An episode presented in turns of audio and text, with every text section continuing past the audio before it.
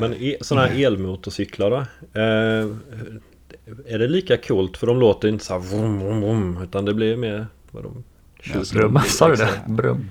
Då cyklar jag hellre alltså. Hej och välkommen till Finansinstapodden med Oskar Fagler, Investment Couple, Pengabingen och Sparfysiken. En avslappnad podd om ekonomi där du får vara med och styra innehållet. Okej, det är ny vecka och nya möjligheter. Hej och välkomna till Finansinstapodden. Och eh, hur är det med er här inne? Det är Det bra. är ju bara bra. Det är kanon. Gött. Ja, oj, kanon till bra. och med. Du ändrade Har, där. har, ni haft, mm, har ni haft en skön vecka? Fantastisk vecka. Ja, härligt. Ehm, vi sitter ju här på varsitt håll i landet. På fyra olika ställen i vårt avlånga fina land. Ehm, så vi har ju fått lite kommentarer på ljudet av vissa. Eh, och eh, ja, det blir ju som det blir när man sitter i fyra olika studios eller vad man ska kalla det. Men vi har gjort vårt Ja. bästa för att åtgärda problemen. Mm, Exakt. Vi har Och vi puffskydd. kommer säkert bli bättre. Ja, det har vi. Puffskydd. Mm. Popfilter heter det väl på fackspråk. Ja, alltså det, det är ju inget fel på mikrofonerna egentligen. Det är ju det är vi som inte vet hur man ställer in dem. Och vi vet Ja. heller inte hur man pratar i en mikrofon. Nej, Nej men det är, det är ju mycket, det är, en, det är en konst i sig, det har vi ju förstått. Jo, men- vi, vi kämpar med det och vi gör vårt allra bästa. Ja, och i det här avsnittet är vi faktiskt bara fyra personer. Eh, ena av oss, eh, eller hon i Investment Couple, håller på och tentapluggar för fullt. Mm. Så att idag blir Minns man hur det var? Ja, det är, man har ju sina perioder där man måste somna ut i några dagar eller veckor. Så hon Mm. prioriterar eh, plugget eh, framför podden då. Ja, helt galet, men så är det Ja. faktiskt. Ja, ja, vi förlåter henne, det är lugnt. Ja, och så kommer det säkert bli att vi är inte med alla, eh, alla avsnitt utan det kommer väl alltid bli någon som ramlar bort i, Ja. emellanåt här. En- Inte jag, jag ska vara med i alla avsnitt. Ja, härligt. Vi bokar, vi bokar den utan sparfysiken i smyg. Jag, jag tycker vi gör det redan nästa. Ja, Ja, vi glömde det. Mm. Schysst, tack. tack. Ja, jag tar vi, en för laget. ska vi dra igång nu då? Mm. Ja, det var lite följarfrågor. Yes. Du kör Oskar, du har, du har en eh, bunte där. Yes, jag kör rakt på här. Mm. Eh, aktiesplit, för och nackdelar. Både 1-2 och 2-1. Ja, men jag tänker att eh, när man delar på en aktie i alla fall att det blir att en aktie blir två. Eh, priset sjunker ju på den och det kan väl göra att eh, likviditeten kanske ökar. Eh, I alla fall lite mindre aktier. Sen, eh, jag tänker ju spontant på Amazon till exempel att de borde väl snart splitta sin aktie. Den kostar ju vad är det, 3000 dollar, mer än 3000 dollar nu per aktie, alltså 30 000 kronor. Mm. Och det, det är ju inte så lätt att köpa en aktie där utan de får gärna dela den de i några delar. Ja, det är många Varför har som de inte äga. splittat innan då? Nej, men de Ja. har ju splittat flera gånger, men det var många år sedan tror jag. Och jag vet Ja. ju många vill ju äga Amazon, så om de splittar så är det ju många som kommer köpa sig in i den. Ja, det tror jag också. Men vad finns det för anledning varför de inte vill göra det? Är det för att det blir det mer volatil om det kommer in mer småsparare eller vad, vad tänker ni? Kan, kanske det, eller att det är lite prestige över det hela också. Mm, det känns som USA har många eh, dyra styckaktier. Ja, Ja, Apple var ju också där innan de faktiskt splittade och eh, det känns som en trend bland techbolagen. att eh, splitta. Nej, att, att vänta med att splitta. Sen det värsta Ja. exemplet är väl Berkshire Hathaway, Warren Buffetts eh, konglomerat där. Att den, den aktien kostar väl, ja vad är det? Den är på- 400 000 dollar. Men där är väl, det om något, det är väl mycket prestige. Mm. Tänker jag. Har, hur många här inne har råd med en sån aktie? Mhm. Vem köper först? Ja, eller hur? Mm. In med hela portföljen bara. Men, men tvärtom då, jag, när de gör så att en aktie blir dyrare. Det, det känner jag spontant känns som ett, en negativ signal. Att den liksom har rasat så mycket att de måste dubbla priset på den. Ja, det, ja lite så. Det kan jag Ja. nog hålla med om. Ja men jag tänker också det. Eh, Jag vet att Ericsson gjorde ju en sån eh, omvänd split eh, efter IT-kraschen. När den var nere på, Ja, var det 3-4 kronor per aktie. Och jag vet inte Ah. riktigt syftet med det men det var väl att eh, Man ville inte att det skulle se ut som en sån här frimärksaktie utan att de ville ha upp eh, priset till 30-40 kronor eller vad det var den hamnade på istället då. Mm, ja. Men det är ganska sällsynt att man ser eh, den typen av eh, det- splittar ju. Var det där kring år 2000? Ja, precis. Men Ja. om flygbolagen nu skulle klara sig i den här pandemin. Då kanske det blir så att vi ser en del omvända splittar där. Eller? Mm. Ja, det kan ju hända. Mm. Mm. Men det är, ja, jag vet inte. Det är osäkert. Ja, nej, men vi kör vidare på nästa fråga. Den här, Mm. den passar ju pengabingen. Så det här kommer du få svara på pengabingen. Känn ingen Ja. press. Spännande. Vad är skillnaden på fond och investmentbolag? Ja, just det. Ja, nej, men jag tänker väl spontant att eh, investmentbolag eh, de har ju ofta starka ägare. De har ingen eller nästan ingen förvaltningsavgift. Jag vet att eh, de har ju lite personal och sådär så att de brukar ta ut en, väldigt, väldigt liten förvaltningsavgift. Jag tror Latour har 0,04% eh, förvaltningsavgift och sen en fördel med investmentbolag jämfört med fonder är ju att de behöver inte anpassa sig för eh, in och utflöden. Till exempel om, om börsen skulle gå ner väldigt mycket så är det ofta många som vill sälja sina aktier. Ehm, I motsats till vad man kanske borde göra men det brukar bli ett, ett säljtryck och då måste fonderna också sälja ut sina innehav. Man såg ju det i eh, ARK eh, i USA där att de fick ju sälja mycket när eh, folk ville ta ut sina pengar och sen Mm. blir det kanske omvänt åt andra hållet då men investmentbolag kan mer bara sitta och ta det lugnt och behålla sina aktier. Eh, fördelen med fonder är väl att eh, de tar ju inget courtage, alltså avgift för köp och sälj utan de har ju ofta en förvaltningsavgift istället. Eh, sen eh, både investmentbolag och fonder har ju väldigt många eh, underliggande innehav eller aktier. Eh, Men det är väl en fördel kanske för fonderna då att de har eh, ännu fler innehav än vad ett investmentbolag har. Mm. Ja, det var, det var ett bra och utförligt svar. Klok som alltid, pengabingen. Ja. Ja, verkligen. Du Ja, är lite smartare än oss andra känns det som. ja, precis. Alla svåra frågor, det är bara pengabingen. Mhm. Pass Ehm. Eh, vi kör nästa då. Det var ju klockrent. Eh, vad tycker ni om OMX som gått som tåget? Tror ni på rekyl snart? Mm. Rekyl kommer alltid. Det kan man nästan vara säker på. Och det man inte kan vara säker på det är när den rekylen kommer. Antingen kan den komma imorgon, om en månad, om ett år eller om tio år. Men Ja, och kan, kan ju bero på olika orsaker också. ja, eh, ibland är det förutsedda saker och ibland är det mindre förutsedda saker. Men förr eller senare kommer något dippa. Och särskilt OMX Mm. som förra året låg nere på 1300 någonting kommer jag ihåg. Står idag på över 2200. Så att det är en Ja. extrem uppgång. Mm. Så en rekyl kommer Ja. alltid komma, men man vet aldrig när. Så är det. Precis. Nej, det har ju verkligen Mm. gått upp snabbt men det gäller väl att eh, man är mentalt förberedd när nästa krasch kommer för att det förr eller senare kommer det ju och då gäller det att kunna hantera det. Mm. Och Man ska det- veta det- hur Ja, man ska det kan- agera innan det händer helt Det är enkelt. så Precis. många, ja, det finns så många olika anledningar som, som kan bidra till det också. Så ett ras och rekyl och allt sånt här, det är ju liksom, ja, mentalt förberedd så kommer man långt. Ja, och Mm. en, ett bra test på det var ju nu i eh, våras. Där vi hade ett litet Mm. techras. Så att man har ju fått känna lite på det redan i år. Mm. Vi går vidare. right. Eh, vad är Shoot. er avkastning hittills i år? Och då syftar de på procent här. Ska vi ta laget runt? Procenten. Ja, men kan vi köra Mm. laget? Ska vi börja med dig Oskar? Ja, kör. Ja, min är just nu 15 procent tror jag. Mm, Pengabingen. trevligt. Eh, ska vi se 17% står det här. Jag loggade in och fuskade lite nu. Mm.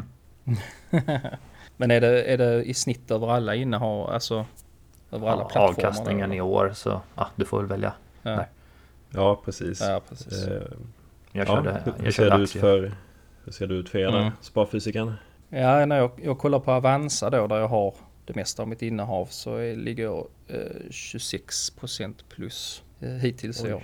Det är riktigt bra. Mm. Ja, mm, ja, jo det är det. Investment capital. Eh, Senast jag kollade så var det kring 22, 23. Så att nå- någonstans kring 20 då. Vad kallar vi dig nu? Nu kan jag inte säga investment couple, nu måste jag säga investment man. Investment man. Här, Investment man. här IC. You can call me investment man. Investa dude. Bra. ja, det var den frågan. Det var inte så mycket mer att säga på den. Ja. Ehm, om Hur, vänta, hur, hur har index gått då? Har ni koll på det? Nej, Nej, men kollar man på svenska OMXS30 som följer då de 30 mest omsatta bolagen så har den gått upp 20% på, eh, ja vi är bara inne i april.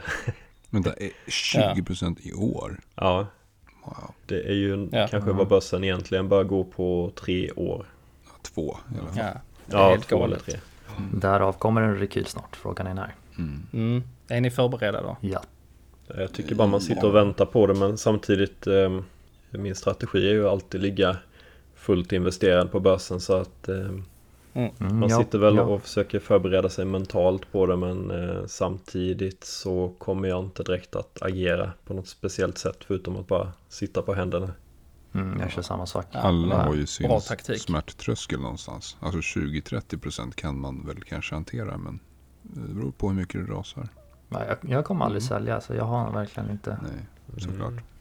Men, vad, vi tänker du att, vad tänker du att du gör då? Eh, Investa du om det går ner 30%? Investment do. Nya namnet alltså. Mm. Ehm, nej, inget särskilt. Eh, men jag menar om den skulle rasa 75% och vi får ett nytt 1920-tal. Mm. Ehm, det kan bli läskigt för alla. Oavsett hur mycket bollar av stål man har så att säga. Ja, det, Jag blir ja. köpsugen när det går ner. Jag blir liksom Ja. riktigt så här. Ja, jag har, ja, alla pengar jag har lagt in det är ändå pengar jag är redo att förlora. Så faller en 75% då känner jag bara, fan vad nice. Mm, men då är du inte miljonär längre, typ. Kanske, kanske. Nej, då kommer alla vara helt livrädda. Oavsett vad vi sitter och säger här, det tror jag. Om Ja. en sån nedgång Alltså det kommer. är klart det känns. Det är klart att det känns. Men sen så får man komma ihåg att man är inte, eh, man är inte ensam i båten så att säga. Exakt. Jag pratade lite om det, jag var ju med i Sparpodden. Ni vet en riktig podd. Ja, just det, en riktig podd ja. Ja.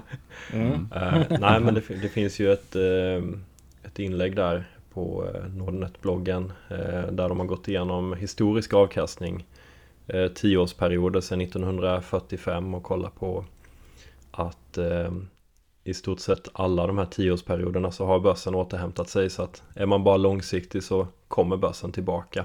Historiskt sett Ja. har det i alla fall varit så. Känns tryggt. Blir så trygg när du pratar pengabingen. Känns bra. Ja, härligt att höra. Så vi kör nästa fråga då. Yes. Vätgas eller vind och solenergi? Oscar, we need you. Åh, Mm, spännande den frågan. ja, Vad jag, är Oscars ingen, åsikt? jag är ingen expert så att säga, men eh, jag tänker rent spontant vätgas tror jag inte så mycket på. Just för att Mm. batteri och ren el är så överlägset och det kommer bli så mycket mer effektivt de kommande åren också. Eh, Ja. Vätgas är dessutom mycket dyrare att tillverka och mer svårt att hantera och frakta och allt sånt där. Ja. Eh, Så jag tror ja, väldigt begränsade användningsområden. Kanske i kryssningsfartyg och sånt där kanske extrema. Jag tror vi kan få säga det är lite, lite större transportsammanhang. Eh, ja, båtar och sånt som Mm. du säger. För jag tänker lastbilar och så, där har vi Tesla som kör sin semi redan liksom. Jag tror Mm. det är så effektivt så att jag ser inte hur vätgas ska kunna konkurrera med det riktigt. Mm, det, Ja, jag men jag tänker fel. på, det jag tänker på när jag tänker gas, det är den här zeppelinaren som eh, brann ner. Men det var väl helium va? Mm, Ja, nej, helium brinner inte. Men det var, det var Ja. vätgas. Mm. Ja, det var då på 30-talet någon gång. Ja, det. Men det är ju, ja. Jag tror, alltså jag kan inte tekniken sådär. Mm. Eh, jag är inte insatt i det men eh, sättet man lagrar, det finns ju olika sätt att lagra vätgas på. Man kan ha, ja, jag vet, jag ska, vi ska inte gå in på det. Men eh, det- vi ska nog inte räkna ut det helt. Det kan finnas en viss användning för Det kommer nog finnas.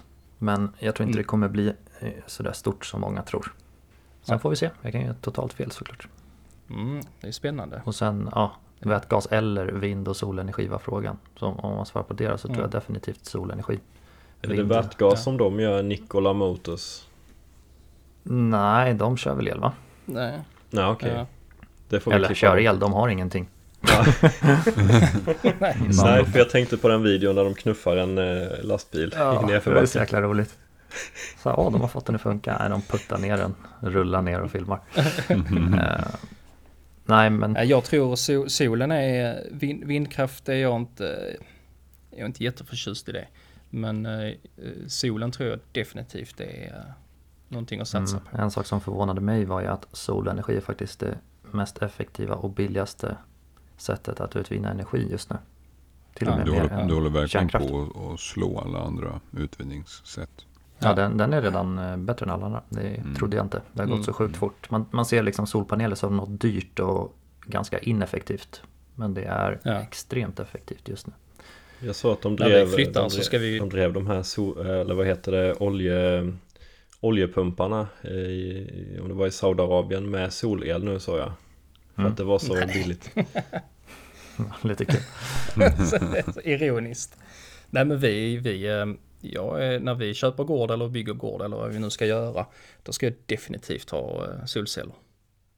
Det är en- högprioriterat, känner jag. Ja, ehm, jag tänkte innan vi fortsätter med fler frågor så eh, kan vi ju presentera vår sponsor här bara, eh, Anyfin. Ehm, och eh, skulder det är ju inget roligt ämne, lite halvtrist sådär. Och det är faktiskt som så att vi svenskar har aldrig tagit så mycket krediter som, som vi har nu. Och eh, ja, då tänker jag främst på delbetalningar, kreditkort och privatlån och sånt.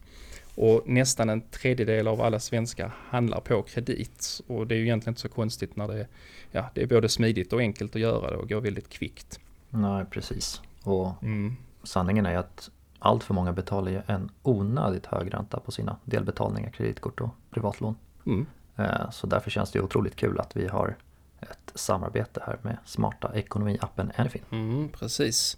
Och Anyfin har ju hittills sänkt den effektiva räntan till över 50 000 kunder. Det är, det är rätt bra. Och sen har de då slopat RV-avgiften också. Och Anyfin ger inte ut några nya krediter eller delbetalningar med ränta. Men är det så att man har handlat saker på delbetalning eller kredit och inte har möjlighet att betala av hela skulden direkt så vill vi passa på att tipsa er om att använda den här smarta ekonomiappen Anyfin. Mm. Det Anyfin gör är alltså att de sänker din ränta på delbetal- delbetalningar och krediter som du redan har och tar helt bort alla andra avgifter. Appen är ju väldigt smidig att använda också. Eh, vill du berätta lite mer där, Sparfysiken, hur den funkar? Mm. Man skickar in sin ansökan, eh, man signerar med mobilt ID och fyller i e-mail och sen så skriver man in kampanjkoden Finansinstapodden. Och då kan man få tre räntefria månader som ny kund. Och sen återkommer Anyfin till dig med ett erbjudande med en lägre ränta än vad du tidigare haft hos dina kreditgivare. Mm. Och är du nöjd med erbjudandet du får så accepterar du det och betalar till Anyfin istället. Fast med lägre ränta än innan. Eh, och Mm. Anyfin tjänar ju bara pengar om du sparar pengar helt enkelt. Precis. Ja men vi kan väl, vi kör väl vidare där. Du hade väl lite fler frågor där Oskar? vi eh, Mm. hoppar vidare. Mm. Eh, vad tror ni om elbilssektorn? Ett skjut upp eller rekyl ner? Helt tyst. Oskar. Oskar. Ja, nej, den, eh, den är svår alltså. Eh, Det har kommit många uppstickare ju. Många bolag man aldrig har hört talas om. det, det kommer säkert fortsätta upp ett tag till tror jag. Men Mm. eh, inom några år kommer nog väldigt många sållats bort. Det är många som jag själv anser är otroligt övervärderade. Mm. Eh, Jag förstår ju att många vill vara med. Alltså det är ju mm. Lyckas man slå sig in på marknaden och hålla sig kvar så, så kan man gå en ljus framtid till mötes. Mm, det finns en, här, det fanns ju en bild där de hade lagt ihop alla elbilstillverkare. Och så hade man lagt ihop deras aktiekurser. Då hade liksom nästan alla gått i samma liksom bana. Liksom det är bara, allt har bara följt likadant. Det spelar liksom ingen Mm. roll hur bolaget har presterat och sådär. Så, eh, ja, en del är extremt dyra just nu.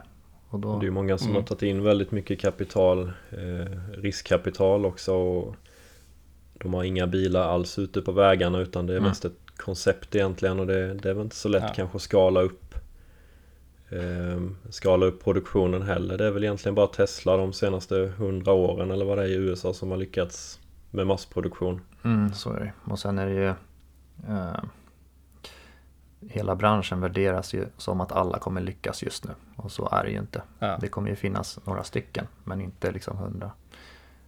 Eh, sen har vi ju de stora, alltså sen har vi ju de vanliga klassiska bilmärkena som också är med Mm. eh, och slåss om kakan. Mm. Och de har ju kapital i ryggen och delvis väldigt mycket av tekniken. Mm. Dock är de extremt skuldsatta också så det där kommer bli lite spännande Mm. att se. De ska ställa om hela. Och det blir nog Ja. svårt att få någon större vinst på försäljningarna. Mm. Massa utvecklingskostnader och sen så måste man pressa priserna samtidigt. Men det syns ju på priserna på elbilar, det är ju helt skadat ju. Nej, men jag tittar lite på modell 3 av bara av nyfikenhet. Och, eh, det finns ju kring 4 till 500 000. Nu är det ganska mycket Mm. fortfarande för en bil. Men alldeles strax så kan man vänta sig att de är tillgängliga till Medelsvensson till exempel. Men är Mm. det då, är det begagnade som har gått, alltså något men år jag- gamla? Nej men eh, 2019, 2020. Ja, eh, okej. 450 till 500 000 med knappt några mil. Mm. Mm. Mm.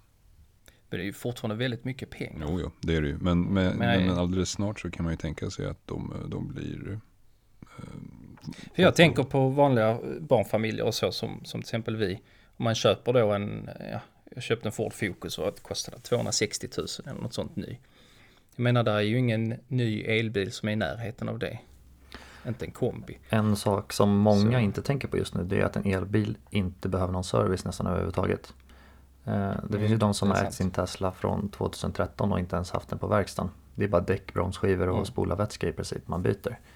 Eh, Så Mm. man sparar många tusen lappar bara på det varje år och även bensinen då. Så det, är, Mm. Mm. alltså det går fort.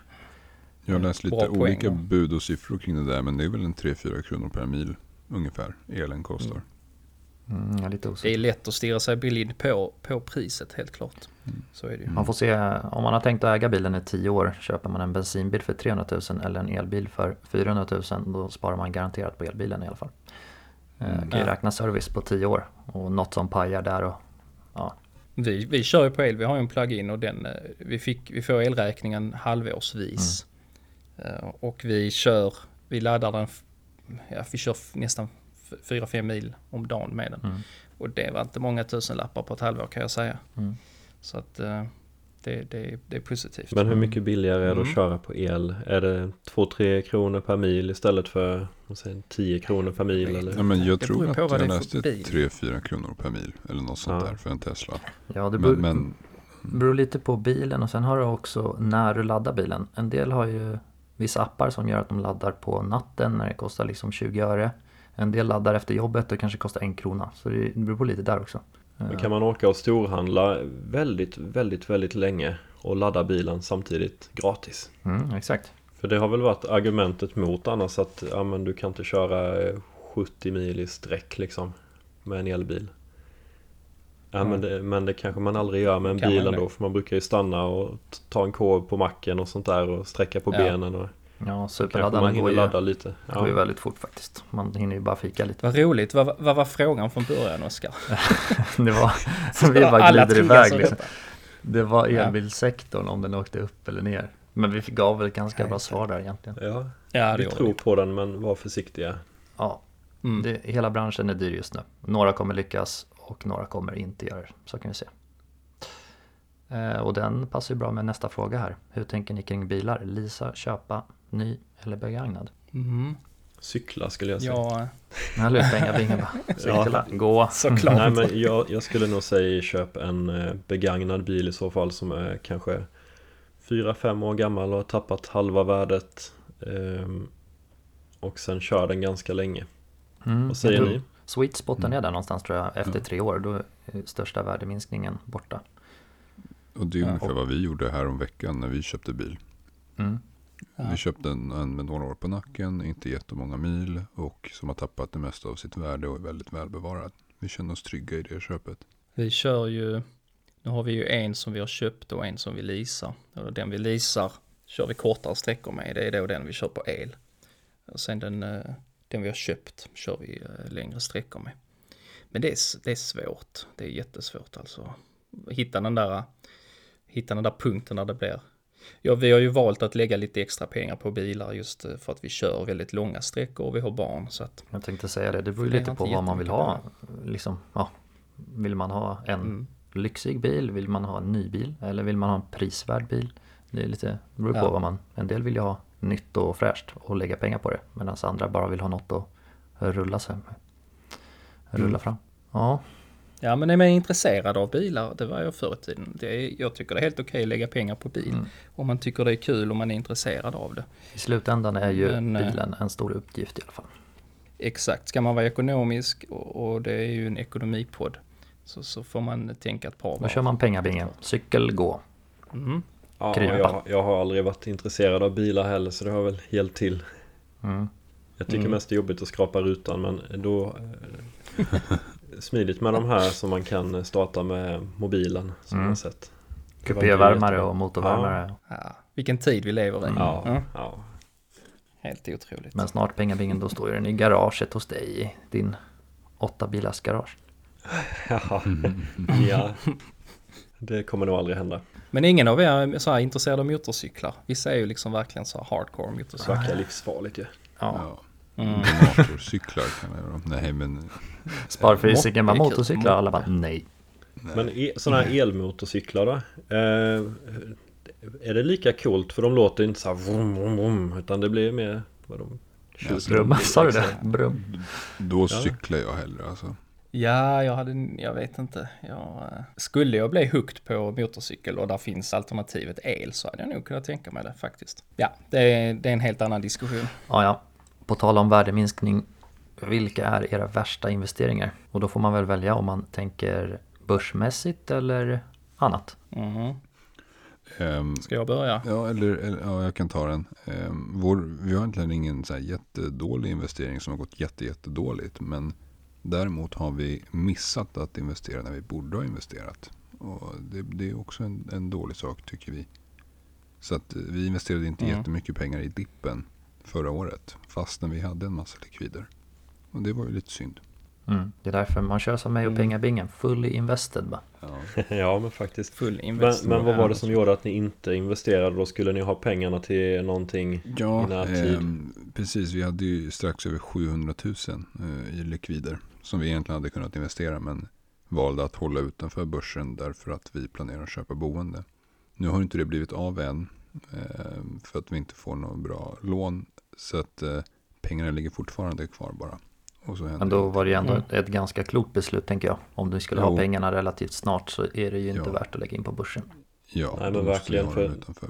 Tänk om ni hade investerat när börsen var ner 15% Det är ändå en rätt hyfsad dipp Och så går ni in med pengarna ni ska ha till bostad och så faller det eh, 20% till Då kanske man mår ganska dåligt och får panik Så att det är bättre att eh, göra som ni gjorde där tänker jag Ja, ja, ja. Ja, jag tycker också det var nog ett klokt val. Man hade kanske kunnat investera en liten större, eller liten större summa av det. Kanske några hundra eller 200 000. Men kanske inte gå in med hela beloppet. Det är alltid så lätt att vara efterklok också. Ja, den gick upp, Ja. ja. jag skulle gått in med allt, varför gjorde jag inte det? Men jag kunde ju lika gärna fortsatt ner Så tio år alltid. till Precis. liksom. Det går inte att tajma marknaden. Nej. Nej. Sen är det ja, dåliga investeringar och sitta och ångra sig och det är klart att man...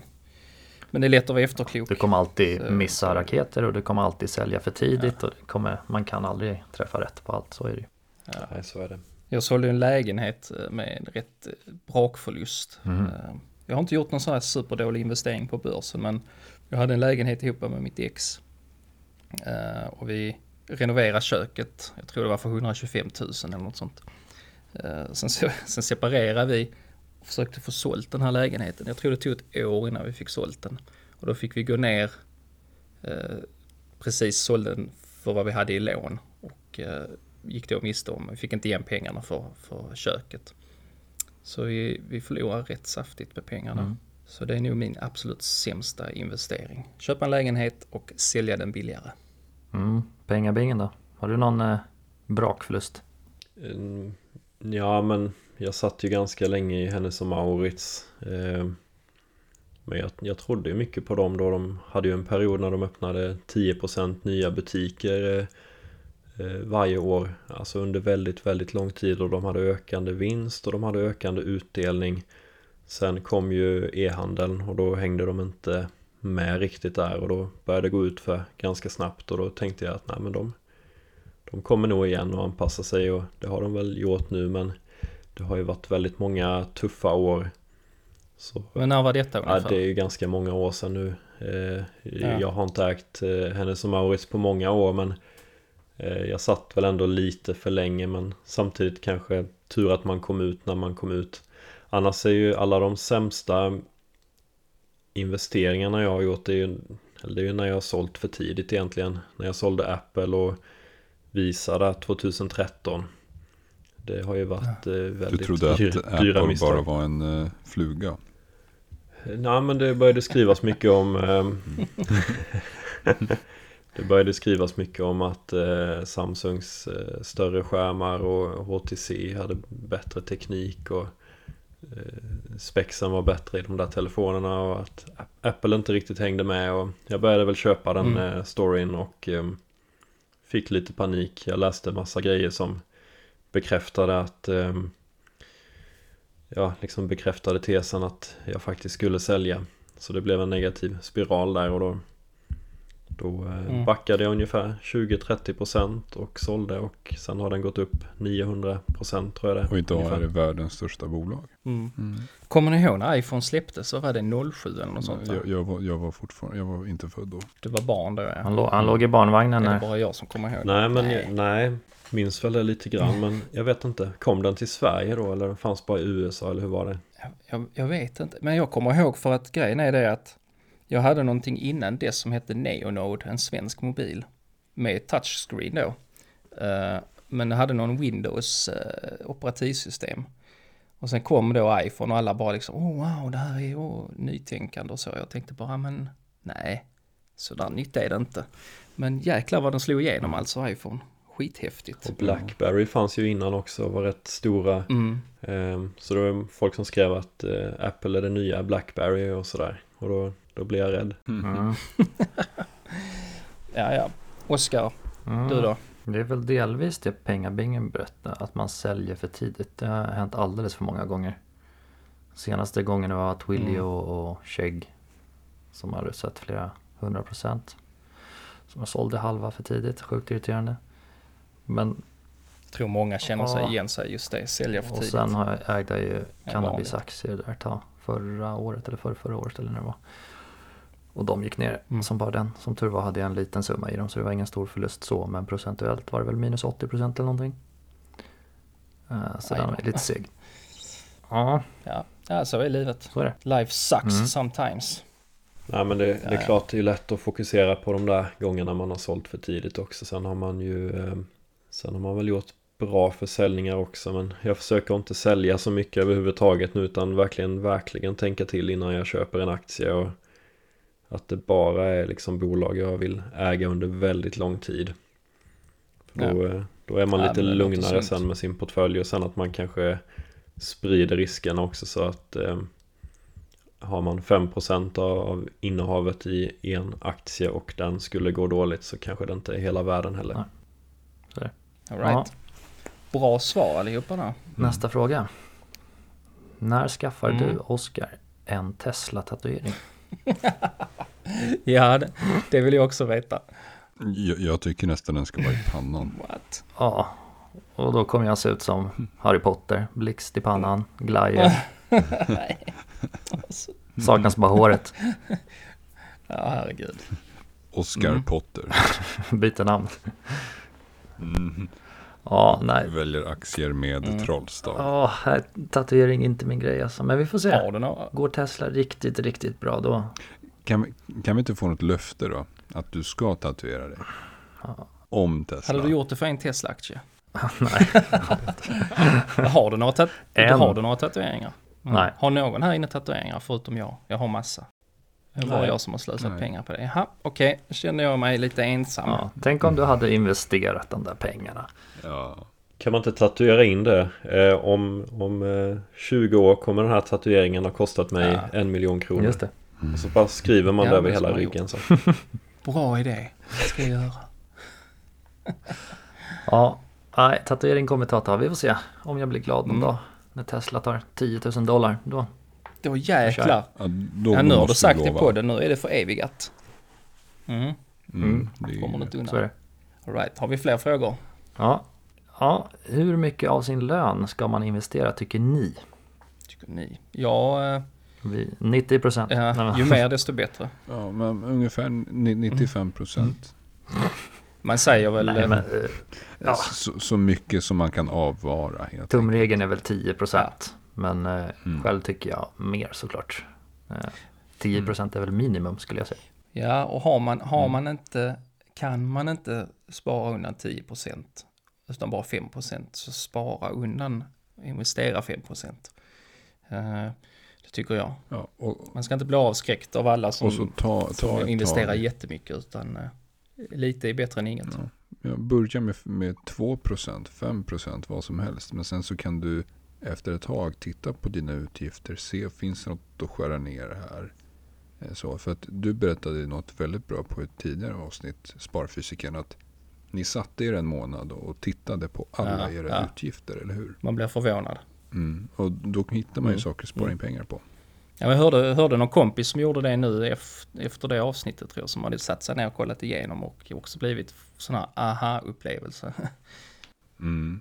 Det är ju ett jättebra tips. Jag tänker också om man har, en del gör ju så här om de eh, röker eller snusar eller någonting som de ändå tänker att jag vill sluta med detta. Eller om man har något annat som man, man lägger mycket pengar på. Ehm, att man investerar de pengarna istället och, och så blir det som en rolig grej att man räknar på så här mycket har det Mm. blivit över tid och när man kollar tillbaka sen om några år då kanske det är rätt mycket pengar om man kan få Räkna, en rolig resa. räkna ut hur många procent av ens lön som går till då, ja, snusningen eller rökningen eller vad det nu är.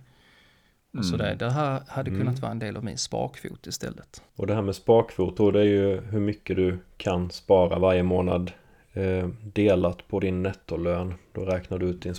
sparkvot. Kan du få in, eh, man säger 20-30 procent, det är ju rätt aggressivt men kan man spara undan det så blir det ju det blir ju en väldigt fin effekt Ja. faktiskt på några års sikt. Mm. Och eh, e-, enkla, ett enkelt tips är att eh, omförhandla mobilabonnemang, gymkort, eh, bolån, massa sådana saker. Där finns det i många fall uppemot tusen lappar att spara. Och det är ju med ett bra tips. Får man en löneförhöjning då kan man ju ta kanske den och eh, lägga på sparandet för att då, då har man ju en livsstil som man kanske är nöjd med redan innan men får man då 500 kronor i löneförhöjning då stoppar man in allting i sparande så ser man aldrig de pengarna. Mm. Ja men då, vi fick med en hel del frågor där. Jag tror vi måste börja avrunda här nu för att eh, jag tror inte vi får in mer frågor här idag. Ehm, så tack till alla lyssnare och följare som skickat in frågor. Fortsätt göra det för vi kommer ha fler sådana här avsnitt såklart. Mm. Det var väldigt roliga faktiskt mycket. att spela in. Lite Ja, blandat eh, content. Men det är rätt kul, man får tänka till lite själv också. eh, Så att det uppskattar vi verkligen. Mm. Eh, Jag tycker det är skitskoj i alla fall. Så eh, stort tack till allihopa. Då rundar vi av här så får ni ha en fin, fin vecka. Ha det gott allihopa. Hej då!